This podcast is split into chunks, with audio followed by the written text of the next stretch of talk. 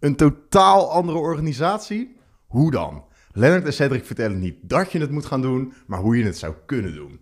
De podcast is opgenomen in de auto. Stap lekker bij zin. Hallo allemaal. Hallo allemaal. Daar zijn we weer. Je hebt er nu al zin in, hè? Ja, maar ik weet nog niet waar we het over gaan hebben. Jij gaat het zo noemen. Maar Ja. eerst even aan de luisteraars vertellen. We zijn onderweg naar Utrecht. Ja, Ook leuk. hartstikke leuk. Dan gaan we over bier praten. Ja, Ja. op een pijnbanksessie. Pijnbanksessie. Lach, man. Leuk. Maar eh, waar gaan we het over hebben? Weet ik niet. Ja, ik wel. Vertel. Organische groei. Dat is wel heftig, hè? Wow. Oeh. En hoe dat eh, zich een beetje verhoudt ten opzichte van misschien geforceerde groei of minder organisch. Ja, het, is eigenlijk een beetje, het gaat eigenlijk een beetje over... Oké, je hebt een hele nieuwe soort organisatie die het een beetje anders doet. Maar hoe ga je dan groeien? Ga je dat douwen, forceren of laat je dat een beetje ontstaan? En wat is lekkerder? En Ga wat is je jouw voor- mening Ga erover? je voor een duidelijke doelstelling. En ga je daar naartoe jagen. Ja, Of niet? precies. Wat is jouw mening? Ja. Ik, de- Nee, nou, ik, ik, leg hem een keer bij jou. Ja, Wat is jouw mening, Lennart? nou, ik heb een beetje een mixed, ik heb een beetje mixed feelings. Ik heb soms aan de ene kant denk ik... soms- Lennart, Lennart weet het niet, luisteraars. Nee, dat is ook voor het eerst. Dat is niet waar. Maar ehm, ja, ik, aan de ene kant vind ik het forceren wel soms even lekker om te doen. Weet je wel, zo'n zo'n extra spurt, zo dat je even zo'n flinke leap maakt. Dat is altijd wel even lekker. Maar in het grootste, de meeste gevallen denk ik dat, dat, ehm, dat het organische stuk wel eigenlijk eh, voor de lange termijn fijner is. Oké, definieer geforceerd groeien. Dus dat je, eh, nou, stel dat het, eh, groeien kan natuurlijk op allemaal verschillende soorten manieren. Dat kan in omzet, dat kan in personeel. Maar stel dat we het even in personeel natuurlijk zeggen, dan is het gewoon zeggen: oké, we gaan even een flinke investering doen. We gaan eh, vijf mensen erbij aannemen. En dus rammen er meer even rammen. in. Ja, hoppakee. Een beetje gassen, weet je wel? Even een schaaltje, schaaltje Ja, dus dat betekent dat we even wat in de kosten wat hoger zitten.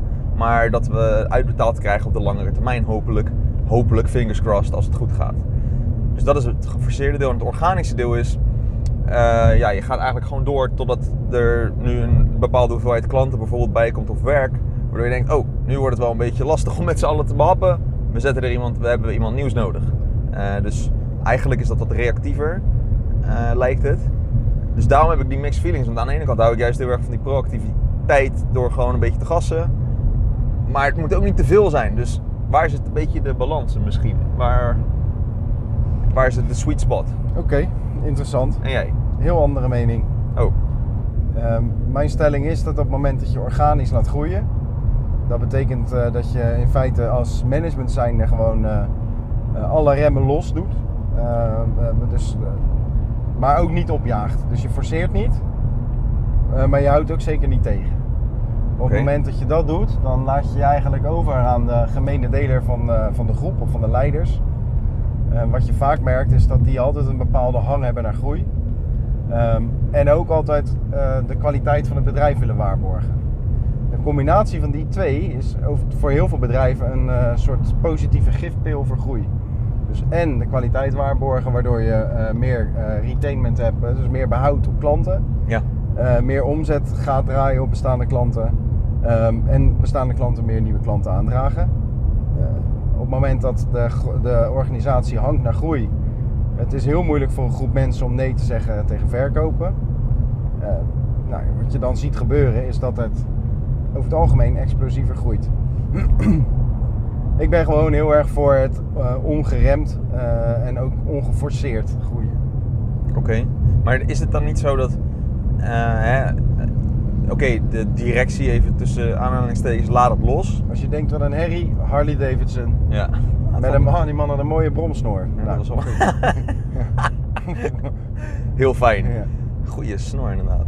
Ehm, maar wat zou ik zeggen? Dus dat we, als je zegt van oké, directie laat het los, zodat de mensen die de, de, de andere mensen die meer de leiding pakken en hang hebben naar groei, dat die het dan doen. Is dat dan ook niet een bepaalde? Ik zie dat ook een beetje als een bepaalde manier van forceren van die nieuwe leiders die opstaan, want die gaan ook de die willen groeien, dus die gaan de groei ook daarmee wat forceren, toch?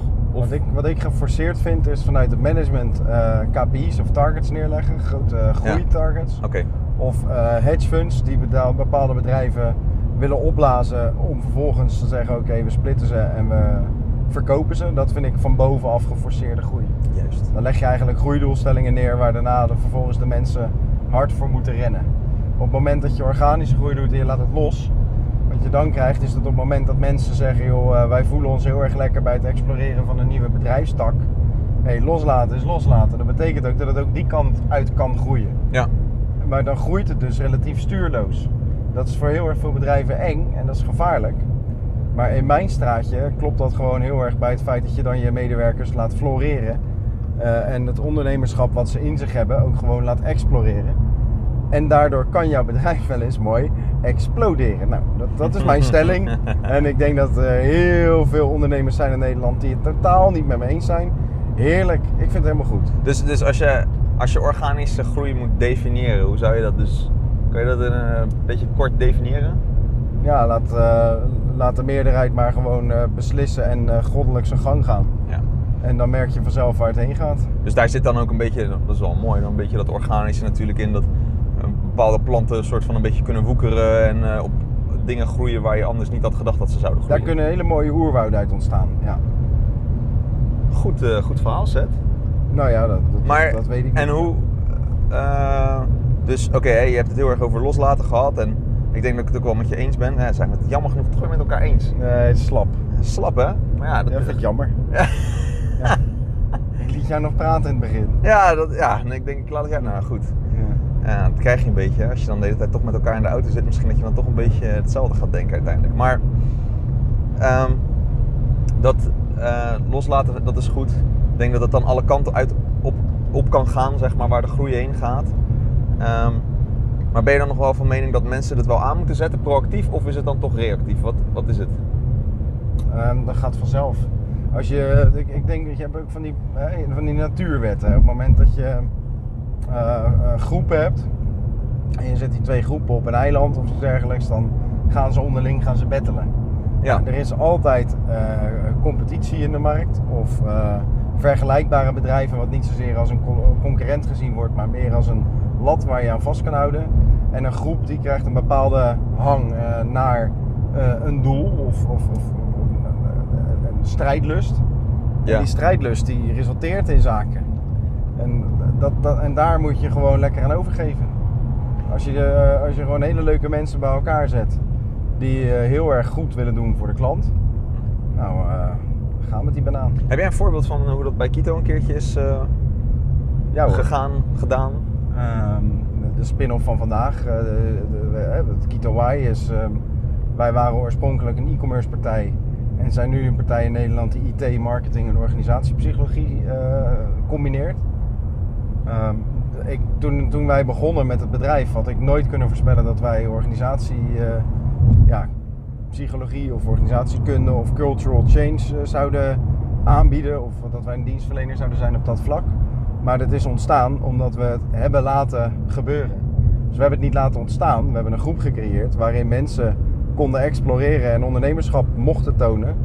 Eh, dat werd zelfs gestimuleerd. En daarin zaten mensen, jij was daar de oorspronkelijk aanstichter van. eh, die die hang hadden op dat vlak. En dat hebben we zijn gang laten gaan. En dat is daarna een beetje geëxplodeerd. Maar dat vind ik niet erg. Dat vind ik zelfs hartstikke leuk. Op dit moment zijn er mensen die eh, regionaal eh, zouden willen gaan ondernemen. Dus een, een nieuwe vestiging in een andere regio zouden willen openen. En zeggen dat ze daar over anderhalf jaar mee zouden willen beginnen. Nou, wij horen, ik hoor dat en ik zeg, het enige wat ik zeg, oh echt joh, oh vet. Punt. En ik vraag er hooguit bij, eh, als je hulp of advies nodig hebt, eh, eh, kom maar naar me toe. Ja, en dat, dat gebeurt dan wel eens. Maar ik ga vooral niet zeggen, joh, met wie doe je dat dan? En waarom dan? En zou je dat wel doen? En wat is dan je plan? En hoe groot wil je dan worden? Als het gebeurt, gebeurt het. En Ja. als het niet gebeurt, nou, dan gebeurt het niet. En dan is het blijkbaar omdat de groep het niet wil. Of omdat de klanten er niet zijn. Of omdat je product niet goed genoeg is. Whatever it is. Maar dan, dan zit er ergens anders een fout. Maar op het moment dat je dat dus wil doorbreken... en je gaat dan een geforceerde groeidoelstelling neerleggen... dan kan je hard op je bek gaan. Ja. En dat is in het verleden ook wel eens gebeurd bij Kito. Twee keer zelfs. Dus je ziet de geforceerde groeidoelstelling ook als dat een of ander iemand eh, besluit van oké, dit is waar we heen moeten groeien. Die legt dat plan neer bij de rest en die moeten het maar gaan uitvoeren terwijl ze er misschien helemaal geen zin in hebben. Bijvoorbeeld. Ja. Maar ik zeg niet dat het niet kan. Of dat het, het is, het- mijn voorkeur heeft dit. Eh, er zijn ook bedrijven die zeggen, joh, wij willen naar een exit toe groeien. Over eh, vijf jaar willen we een exit. Ehm, wat betekent dat wij ons eh, gaan klaarmaken voor verkoop en dat we een bepaalde future cashflow willen gaan realiseren. Dus zo snel mogelijk een soort van progressieve groei willen bewerkstelligen. En dus op dat vlak gaan groeien. Nou, dat is dat de doelstelling. En de doelstelling is dan de exit. Ja. Kijk, dat is dat, maar dat, dat hè, voor Sinek, eh, Simon Sinek die noemt het ook de, de, de finite game en de infinite game. Die spelen een finite game, een eindige wedstrijd waarbij ze zeggen: oké, we gaan gewoon voor vijf jaar gaan we een strijd aan. Eh, ik ben heel erg van de infinite eh, companies, dus zeggen joh, wij zijn er voor de long run en kijken wat we over een paar generaties nalaten. Ja, dan moet je dus eh, eh, hooguit bijsturen waarom doen we dingen en eh, klopt dat bij datgene wat we vandaag aan het doen zijn. ja. Wat zie jij als de voordelen van de organische groei? Dat het beter bij de mensen past die je vandaag hebt zitten. Dat. Mhm.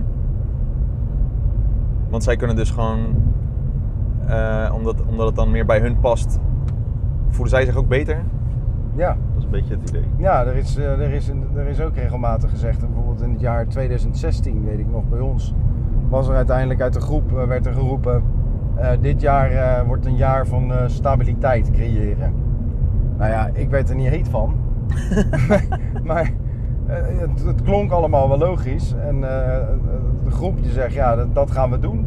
En dat was ook een heel stabiel en ook winstgevend jaar. We zeggen prima jaar.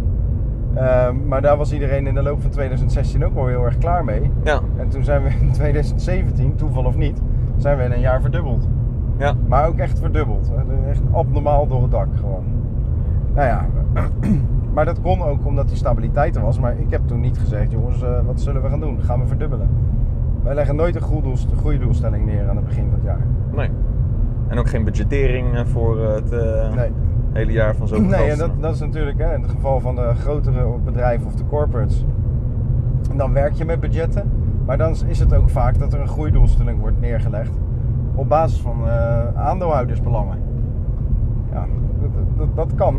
Dat is prima.